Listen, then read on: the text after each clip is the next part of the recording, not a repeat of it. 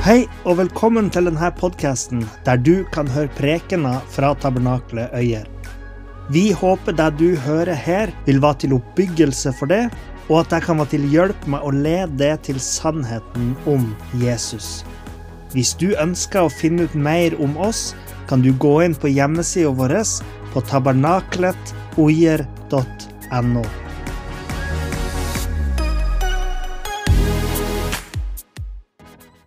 Jesus åpna alle skriften, står det.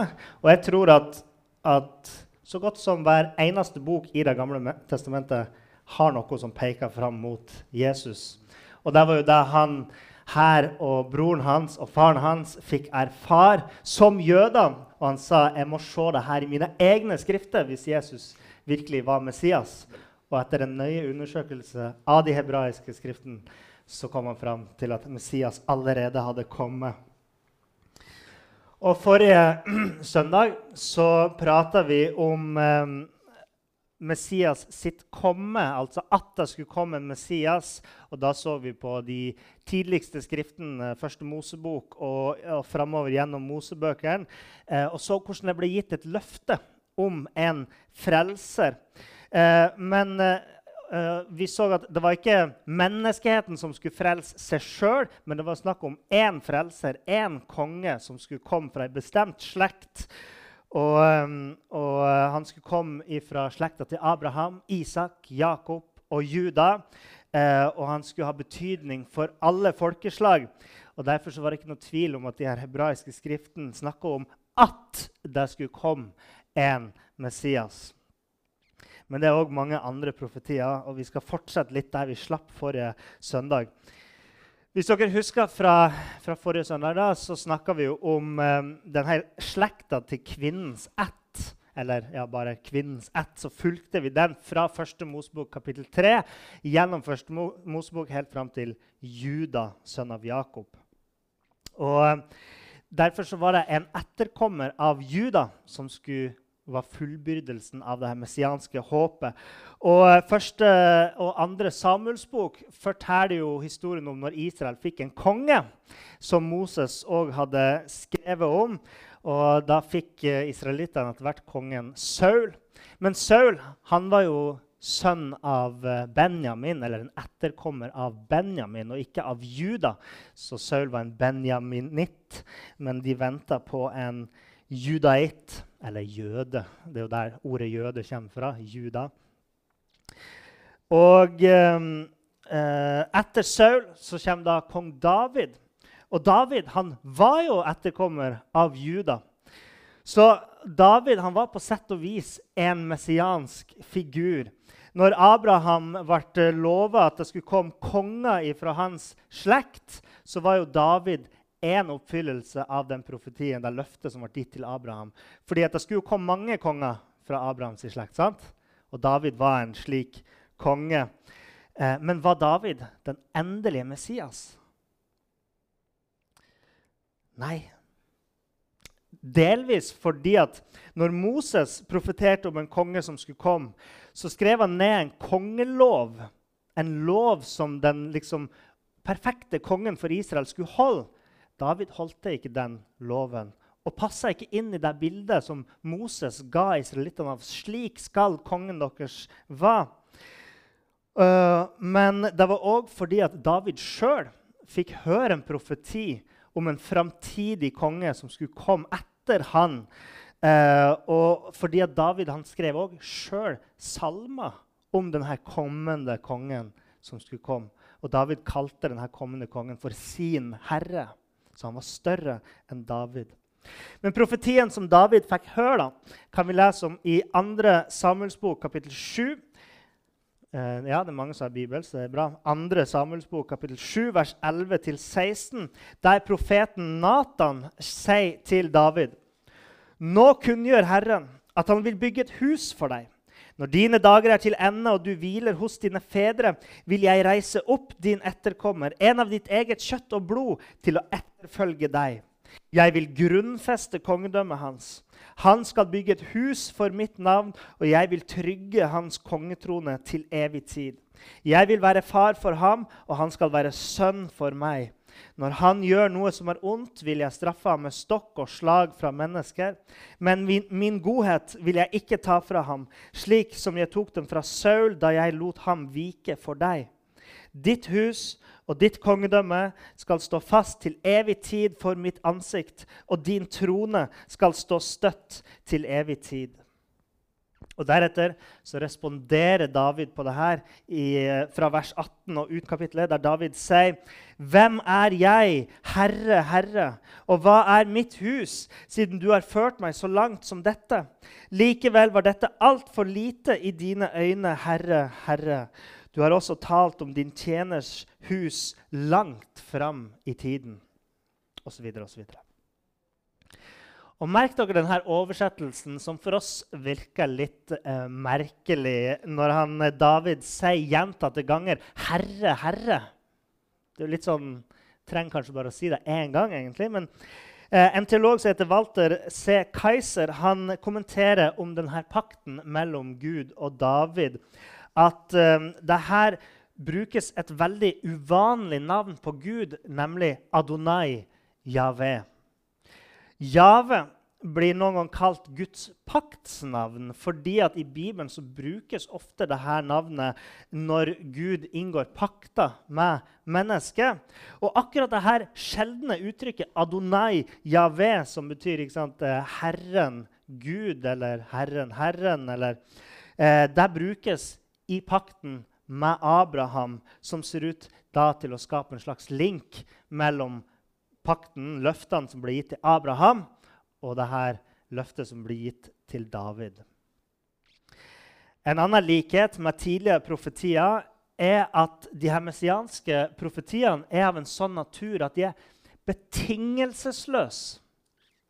Eh, hvis dere leser gjennom Skriften i, i, Bibelen, så ser dere ofte, ofte at Gud sier eh, Hvis dere sånn og sånn, og sånn, Altså, Hvis du, Bjarne, gjør sånn og sånn, det kommer til å gå kjempebra. Men hvis du ikke gjør sånn og sånn, sånn, så går det dårlig.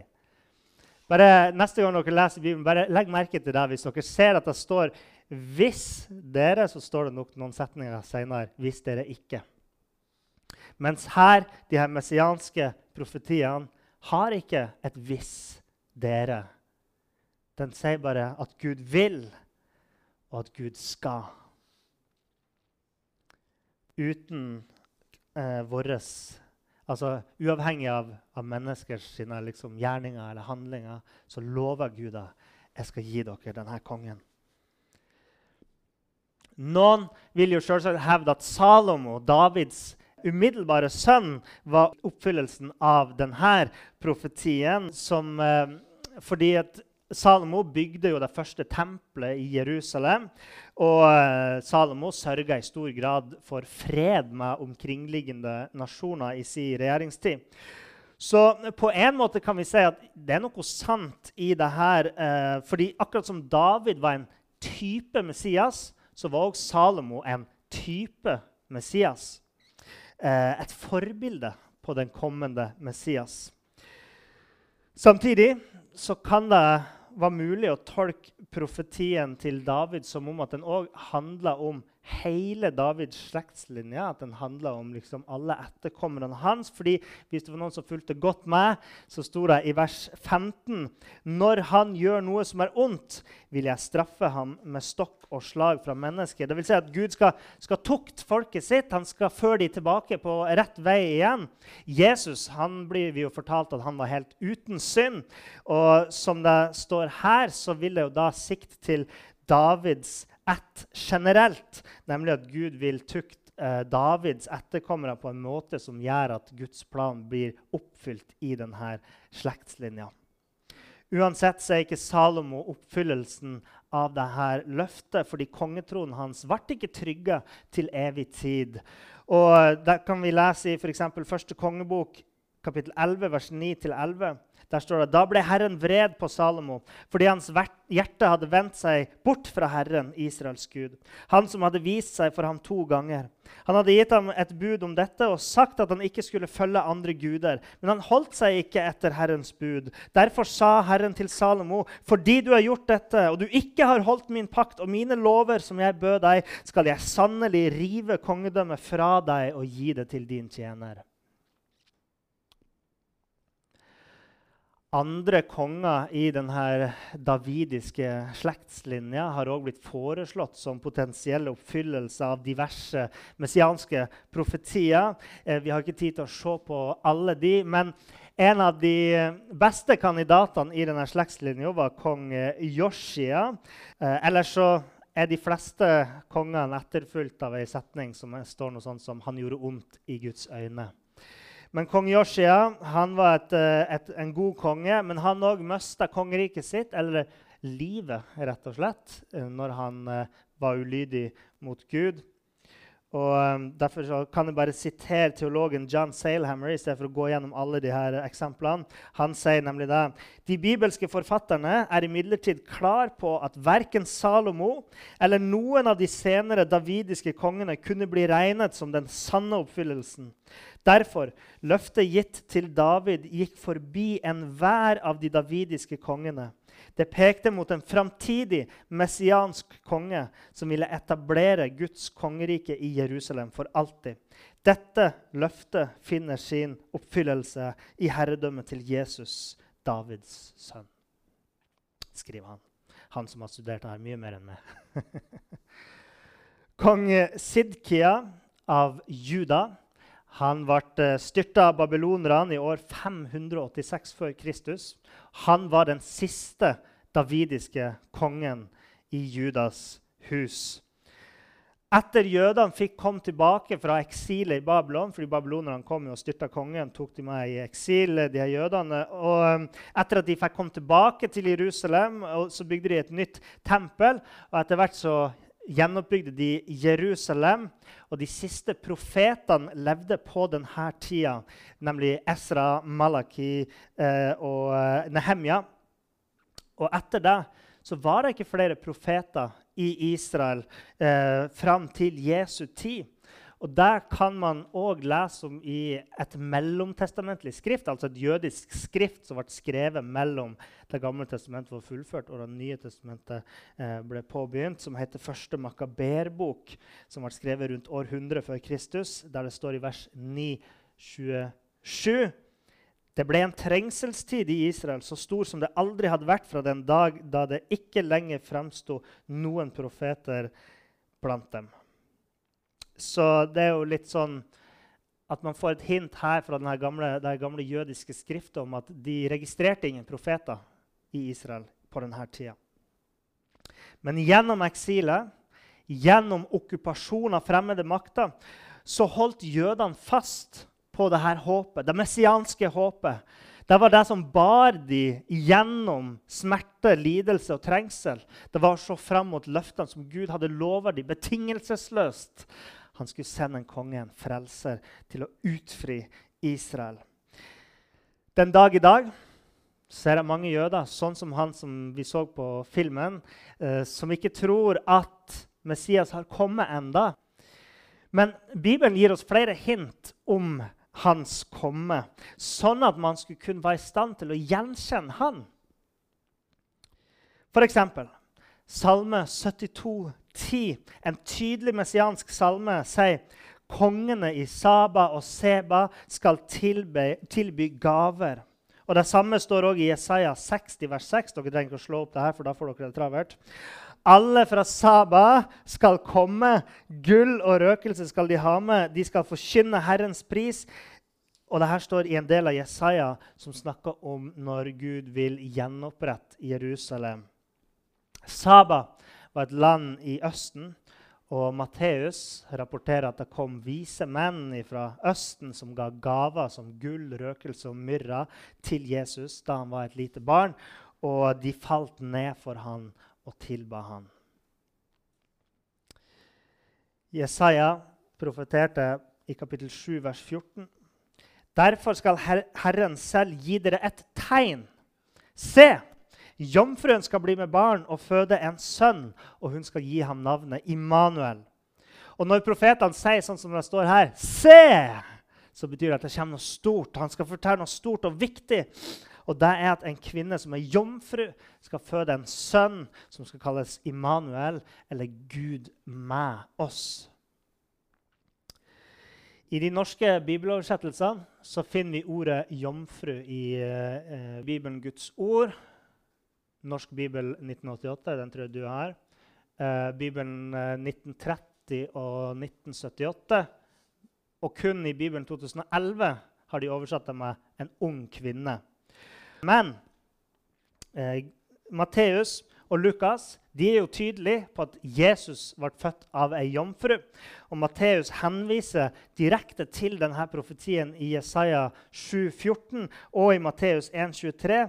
Eh, og det er jo Bibelen 2011 enig i at de evangelistene fortalte at Jesus var født av ei jomfru. Det vil si at Apostlene de så for seg en direkte oppfyllelse av denne profetien når de snakker om Jesu fødsel. Eh, og når det gjelder ordet 'jomfru' her Den tidligste oversettelsen av Det gamle testamentet det er en gresk oversettelse, var oversatt fra hebraisk. Eh, den eh, heter Septuaginta. Den oversatte det hebraiske ordet til jomfru. Det er et ord som heter alma på hebraisk. Jeg vet ikke hvordan man uttaler det. Det tror ikke noen av dere heller, så det går fint. Alma, alma, eller noe sånt, kanskje. Eh, oversatt til det greske ordet parthenos. Og parthenos betyr jomfru. Så på den tida, 200-300 år før Jesus, så forsto de det her som, i betydning jomfru. sant? Og det er forskjell på ung kvinne og jomfru. Ei jomfru kan være ei ung kvinne, men, men ei jomfru er òg noe annet, noe mer. Ubesudla, som gamlingene sier. Eh, men for å slå fast at dette ikke sikter til, eh, til bare ei, eh, en ung kvinne, så må vi se hvordan ordet brukes i resten av Bibelen. Det er litt viktig at man forstår det her riktig. skjønner du? Eh, en teolog som heter Michael Ridelnik han har studert Bibelen eh, nøye og sett på akkurat dette ordet her i Det gamle testamentet. Og Han sier at det brukes om jomfruer eller som et helt nøytralt ord, som f.eks. overskrift på en, på en, salme eller noe sånt, eh, som er helt nøytral betydning. Eh, men aldri i tilfeller der det sikter til noen som åpenbart ikke er jomfru. Så ordet brukes aldri om noen som liksom allerede er gift, eller, eller som, man, som, åpenbart ikke er jomfru, men brukes kun om jomfruer eller en nøytral, eh, nøytral måte. Så sjøl om, eh, om, det brukes om unge kvinner som har blitt kjønnsmoden, altså sjøl om det er riktig at ordet refererer til ei ung kvinne, det gjør det. Eh, så bærer det òg med seg denne betydninga jomfru, med alt det innebærer. Uh, og i tillegg så tenker jeg at det passer mye bedre med sammenhengen her. Fordi Jesaja sier dere skal få et tegn. Og for et dårlig tegn det hadde vært hvis tegnet var at en ung kvinne skulle føde en sønn. Det er jo ikke noe, jo ikke noe å se! Det er bare sånn Å ja, se. Så jeg tenker det passer mye bedre inn i sammenhengen der, der, det er en stor og viktig ting som skal skje. Det er ikke et vanlig barn det er snakk om her, det er et guddommelig barn. Og det er ikke en vanlig fødsel av en vanlig ung kvinne, men det er eh, et guddommelig barn født av en jomfru. Dette er tegnet om at Messias ville komme. Jesaja han forutsa òg hvor denne personen ville bo og ha sitt virke. Hele avsnittet i Jesaja kapittel 9, vers 1-7 er et sånn messiansk eh, profeti. Og Den begynner i vers 1 og 2 med de her ordene. Mørket skal ikke bli værende over landet som er i trengsel, slik han tidligere førte vaner over Sebulan og Naftali-landet. For heretter skal han gi ære til veien ved havet, bortenfor Jordan, hedningenes Galilea. Altså Der skal Gud gi ære. Det folket som vandrer i mørket, skal få se et stort lys. Du vet, Man så litt ned på Galilea. Det var litt sånn, eh, litt sånn mørk region i jødisk tankegang. Så det er folket som vandrer i mørket, de skal få se et stort lys. Over de som bor i dødsskyggens land, stråler lyset fram. Og etter vers 6 så står det, ja, I vers 6 så står det et barn er hos født, han skal kalles underfull rådgiver. og alt det her. Så leser vi i vers 7. Herredømmet skal bre seg vidt, og freden være uten ende over Davids trone og over hans kongerike. Han skal grunnfeste det og holde det oppe ved rett og rettferdighet fra nå av og til evig tid. Så hele dette avsnittet har sånne tydelige messianske overtoner og forteller oss at folket i Galilea skal få se et stort lys, et uh, kongelig barn som skal regjere til evig tid, som også skal kalles evig far, uh, uh, veldig Gud osv. Så, så det her knytter Messias sin virksomhet til Galilea, et område nord i Israel, som er der byen Nasaret lå. Det var den byen der Jesus vokste opp, og der han bodde. Og Galilea var i stor grad det området Jesus virka i når han reiste rundt og forkynte evangeliet. En annen profet som heter Mika, han levde ca. samtidig. Han overlappa litt med Jesaja. Og Han fikk òg en åpenbaring om Messias. Og Mika skrev i, i Mika kapittel 5 eh, at eh, ja, Mika deler forresten noen tematiske likheter med Jesaja her i kapittel 5, vers 1-4. Så vi kan ikke utelukke Og dette er veldig interessant. Det kan hende at Mika gir oss den første kommentaren til Jesaja, til den messias, messianske profetien i Jesaja. Siden Mika også, skriver om fødsel, om ei kvinne som skal føde. De snakker om eh, om Messias sin guddommelige karakter, og at han skal herske og bringe fred til evig tid. Så de har mange likheter. Så hvis Mika skrev det her rett etter Jesaja og hadde tilgang på Jesaja sine skrifter, så kan han være en kommentar til han. Uansett så sier Gud i, i, gjennom Mika. Men du, Betlehem, Efrata, selv om du er liten til å være blant Judas tusener, fra deg skal han utgå for meg, han som skal være hersker over Israel. Hans utgang er fra eldgammel tid, fra evighetsdager. Hans utgang er fra eldgammel tid, fra evighetsdager, er den beste måten en jøde på denne tida kunne uttrykke at noen hadde eksistert fra evighet av. Altså ikke hadde blitt skapt, men alltid eksistert. Eh, så det gjør at denne personen han snakker om, er av guddommelig karakter.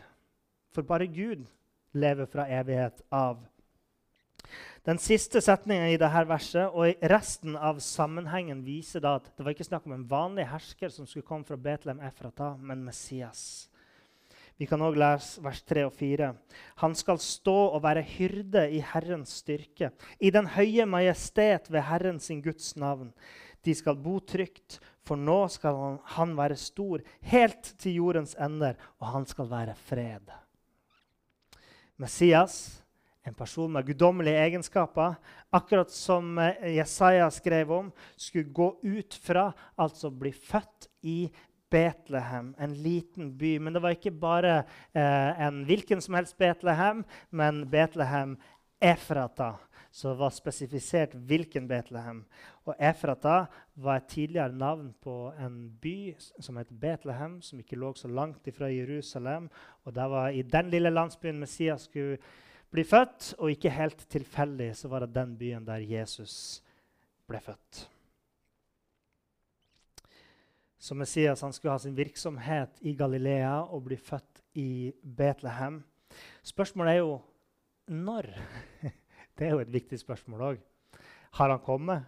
Eller skulle han komme tidligere? Har vi noe? Altså, Jesaja og Mika gir oss jo et hint. Fordi når jomfruen ikke sant, blir med barn og føder, da, da er han jo her. Men, men når da? Venter vi fortsatt, eller har han kommet? Det er fortsatt litt vagt. Heldigvis så er det en profeti som er mye mer spesifikk, og det er Daniel 9. Nå kan dere få lov til å slå opp på Daniel 9, for nå skal vi holde på der en liten stund. Og interessant med Daniel er at Jesus siterer Daniel. Og snakker om hvordan Daniel hadde forutsatt ødeleggelsen av tempelet i Jerusalem. Så Jesu forståelse av Daniels bok var at denne boka handla om framtida. Det er mange som er skeptiske til det, at Daniel handler om framtida, men jeg velger å stole på Jesus.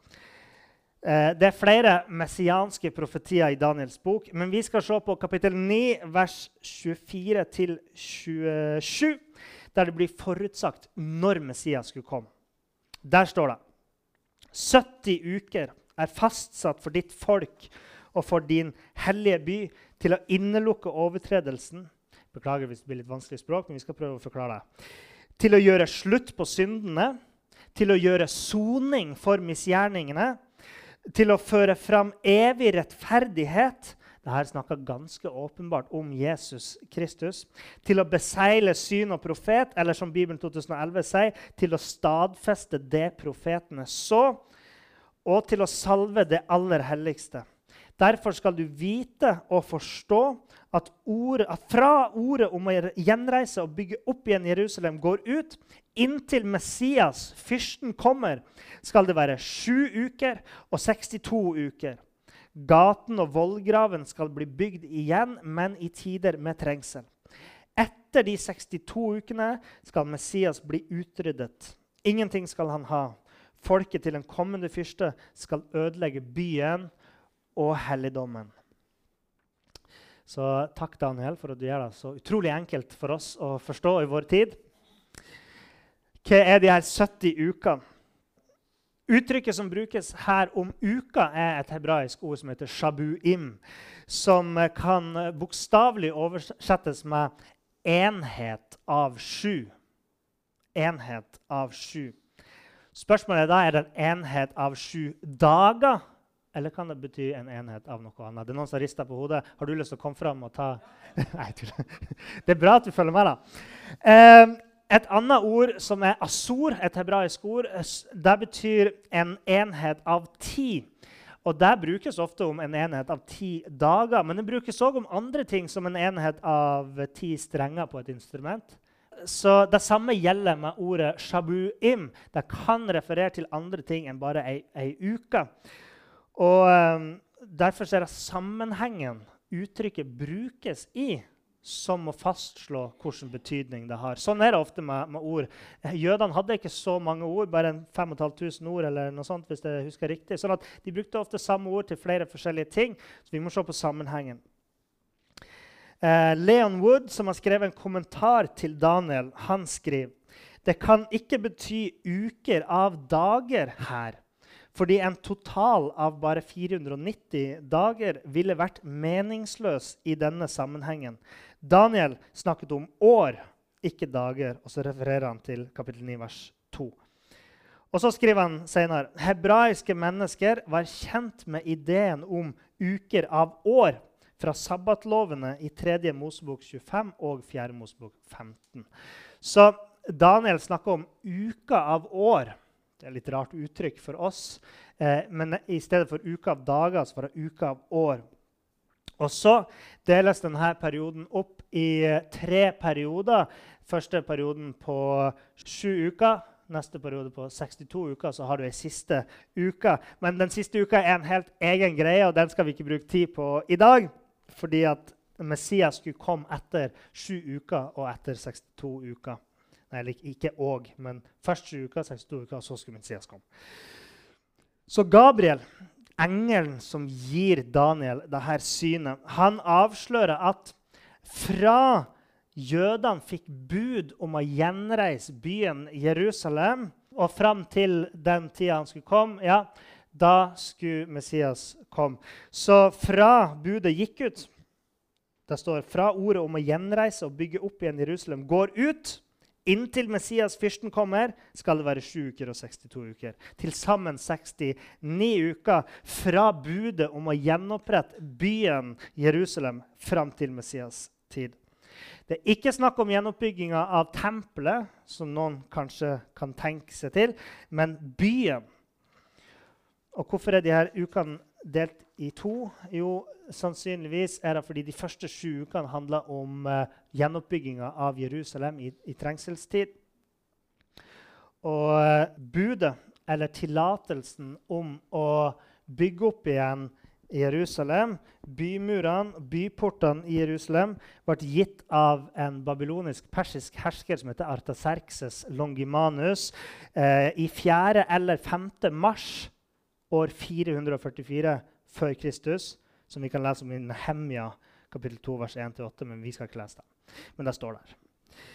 Eh, så mars 444 før Kristus er datoen budet gikk ut.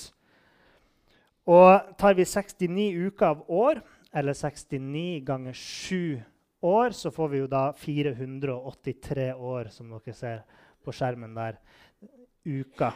7 ganger 69 år. I den bibelske, eller hebraiske eller profetiske kalenderen så regner man med 360 dager i året.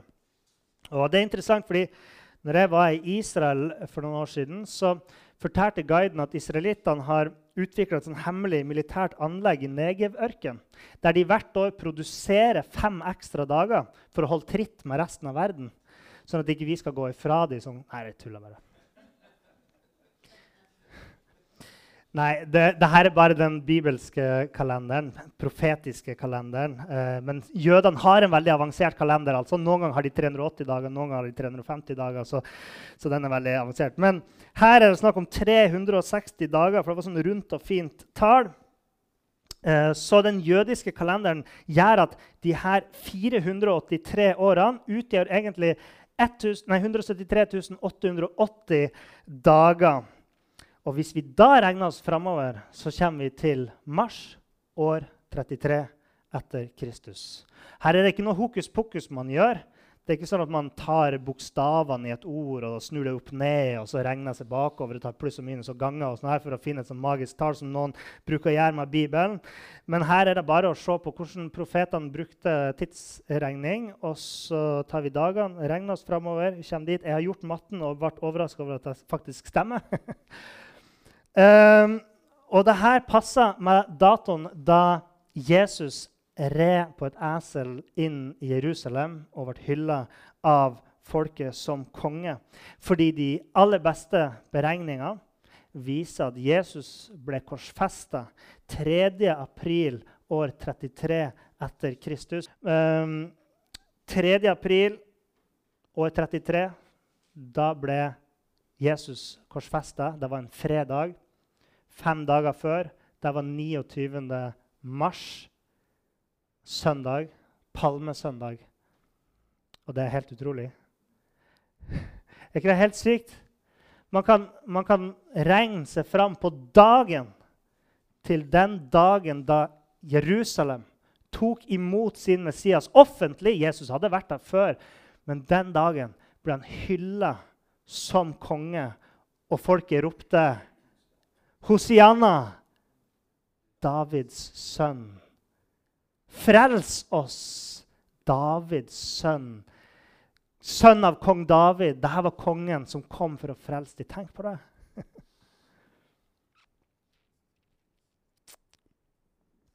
Sjøl skeptikere bør innrømme at det er et ganske utrolig sammentreff. Daniel forutså den dagen Messias kom til Jerusalem. Men to viktige ting skal skje som gjør at vi vet at de her første 69 ukene er over. Etter de 62 ukene står det, skal Messias bli utryddet. Ingenting skal han ha. Folket til en kommende fyrste skal ødelegge byen og helligdommen. Messias skal bli utrydda, og tempelet og byen skal bli utrydda, ødelagt. Kort tid etter at Jesus rei inn i Jerusalem, så døde han på korset. Nærmere bestemt fem dager etterpå. Messias ble utrydda 3. april år 33 etter Kristus. Og så skulle folket til en fremmed fyrste eller en fremmed nasjon komme til Jerusalem, ødelegge byen og tempelet. Og Det vil være nok et tegn på at de her 69 ukene var over, og at da hadde Messias vært der. Det skjedde i år 70, da den romerske hæren fullstendig ødela og brente Jerusalem og rev ned tempelet. Det var interessant I forberedelsene til denne preken så leste jeg eh, i Josefus, en jødisk historiker, som, eh, som, skrev ned det som skjedde i Jerusalem i år 70. Og Josefus han skriver det at Titus, eh, generalen eller lederen for de romerske styrkene, når han tok Jerusalem eh, Han ville egentlig ikke at de skulle rive ned tempelet, han ville ikke at de skulle brenne det ned og rive det. Han prøvde egentlig å gi ordre om å få stoppa de, eller han gjorde det.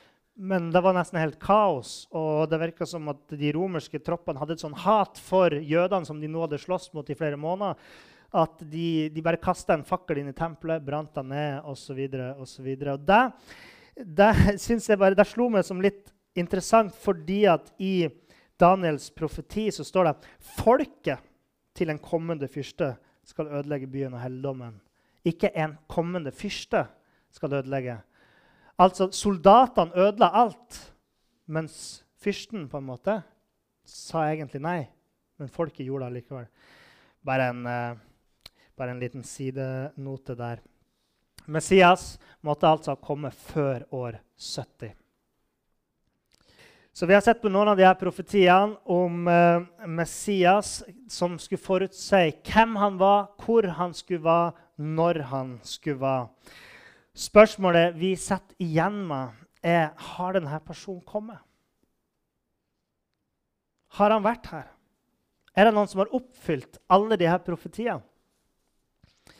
For det første, Han måtte være en sønn eller en etterkommer av Abraham, Isak, Jakob og Juda.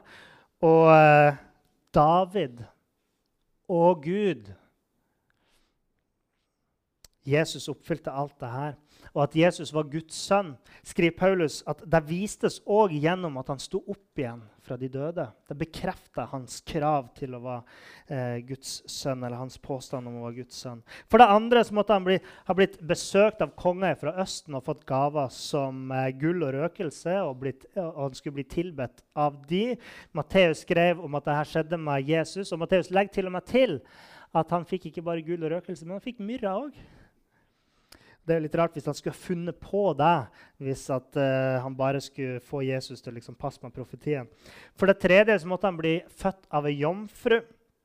Uh, og Bibelen er klar i sin tale om at Jesus ble født av jomfru Maria. For det fjerde så måtte han bli født i Betlehem. Og uh, Jesus ble født i Betlehem, Efrata.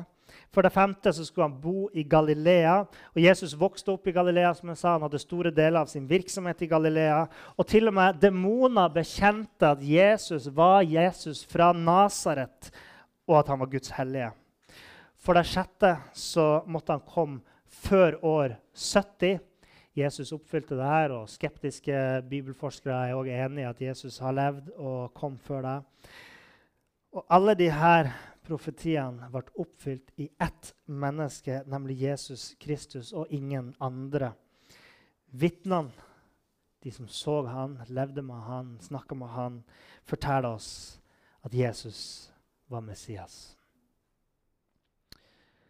Så da stiller jo dere på valg. Hvem tenker dere at han er?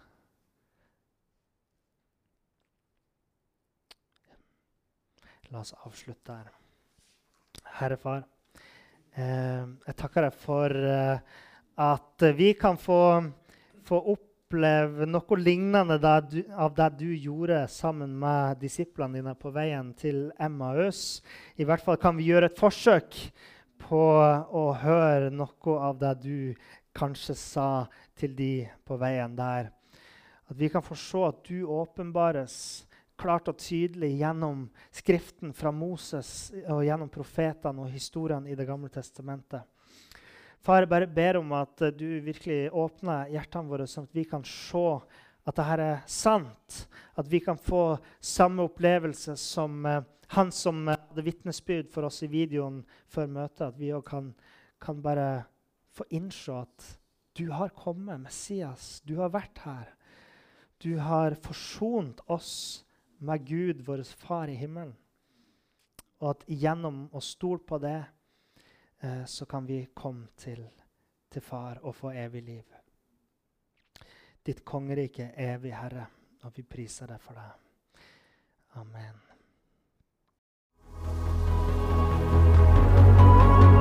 Takk for at du hørte på. Hvis du tok et steg i tro i dag, eller du har noe du ønsker forbønn for, så vil vi gjerne høre ifra det via e-postadressen kontakt alfakrølltabernakletogjer.no. Du er òg velkommen til våre ukentlige gudstjenester i menighetslokalet i Haugskutua 5 26 36 Øyer.